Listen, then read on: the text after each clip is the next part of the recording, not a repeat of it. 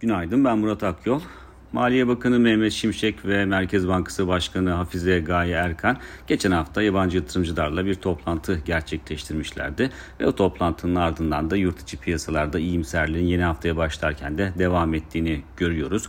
BIST endeksine baktığımızda teknik açıdan önemini yüksek bulduğumuz 7500 puan seviyesine oldukça yaklaşmış durumdayız. Uzun vadeli trendlerin işaret ettiği bir noktaydı zaten burası.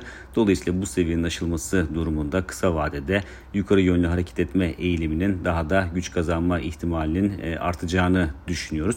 Ama tabii e, burada küresel risk iştahı da önemli. E, küresel piyasalara yön verebilecek önemli bir gündem maddesi de yok. Dolayısıyla burada kuvvetli bir trend oluşması daha çok biraz iç dinamiklere kalıyor gibi görünüyor.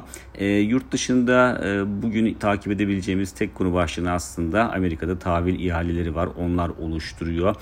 Amerika'da iki tahvil ihalesi var. Bir yıl vadeli ve 3 yıl vadeli ihaleler bunların toplam büyüklüğü 82 milyar dolar ulaşıyor. Dolayısıyla bu ihalelerden çıkacak rakamlar, sonuçlar piyasalarda biraz daha e, risk iştahını şekillendirebilir. Çünkü özellikle Amerika'da e, kredi notunun indirilmesinin ardından e, faizlerin yukarı yönlü hareket ettiğini ve bunun da piyasalar üzerinde baskı oluşturduğunu görmüştük. Yani piyasaların aslında faiz hassasiyeti hala devam ediyor.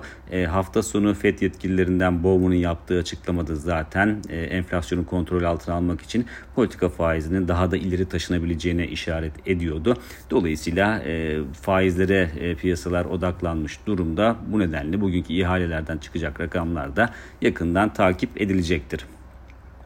Dolar TL kuruna baktığımızda ise orada e, çok belirgin bir değişim olmamakla birlikte 27 seviyesinin üzerinde e, daha sık e, kalındığını görüyoruz. Bu seviyede kalınsa bile zaten yukarıda ciddi bir sıçrama olma ihtimali düşük görünüyor. Sakin seyir muhtemelen geçmiş haftalarda olduğu gibi çok büyük ihtimalle 27 seviyesinin üzerine yükselsek bile buralarda bir süre sakin bir seyir görme ihtimalimiz söz konusu olabilir.